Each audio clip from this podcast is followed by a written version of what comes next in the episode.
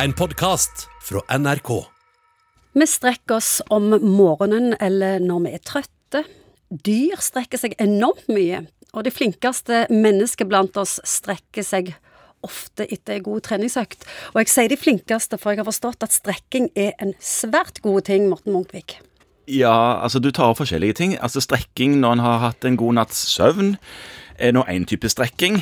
Strekking når en gjesper, det er jo òg en sånn strekkeøvelse som mange driver på med.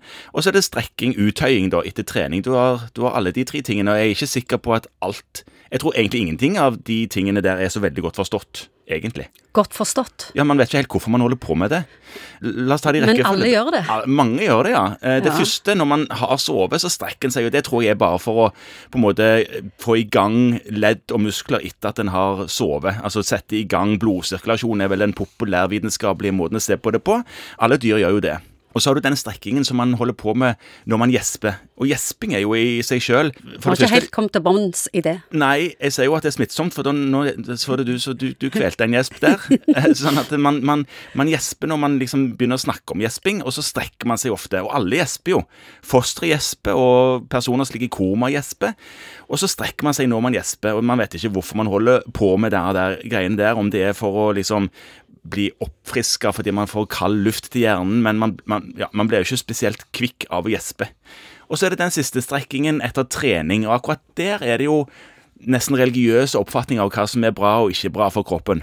Og nå er det gjort veldig mye forskning på om uttøyning reduserer risikoen for skader, og det gjør det egentlig ikke, ikke for mosjonisten i alle fall. Og for de som driver på med idretter hvor leddutslag og bevegelighet er en ting, så er det klart at det er bra for det hvis du er bøyelig og tøyelig i de retningene du bør for å gjøre sporten din, så blir du bedre i sporten din. Det er ikke sånn at du nødvendigvis blir mindre skada. Bør folk som ikke trener, eh, strekke seg? Tøye ut, tenker Ja. du? Nei, det er ikke nødvendig. Det er noen som Ikke syns det fleksibilitet bra? Jo, for noen er jo det bra, men man vinner ikke veldig mye på fleksibilitet sånn i dagliglivet, egentlig. Du sa tidligere at folk er ganske fanatiske på hva de mener om strekking. Du, Mhm. Folk kommer til å fyre seg opp over det du sier her nå. Ja, og, og det er helt greit. Nå refererer jeg bare det som forskning har vist at er effektene av trening. Så kan folk eh, mene det de vil om det, men dette er så langt vitenskapen har kommet. Så det vi kan konkludere med, det er at eh, strekking er litt oppskrytt. Ja, jeg er helt enig i det. Jeg er helt enig i at det å bruke mye tid etter enhver treningsøkt på å tøye ut er i seg selv unødvendig. Det har ikke så veldig mye effekt for neste treningsøkt. Det har kanskje en effekt den neste timen på muskler og ledd og sånne ting, men ikke noe videre utover det. Reduserer ikke stølhet noe særlig, har forskning vist heller.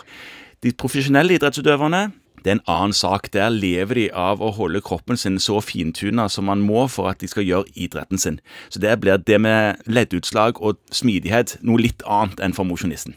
Du har hørt en podkast fra NRK. Hør flere podkaster og din NRK-kanal i appen NRK Radio.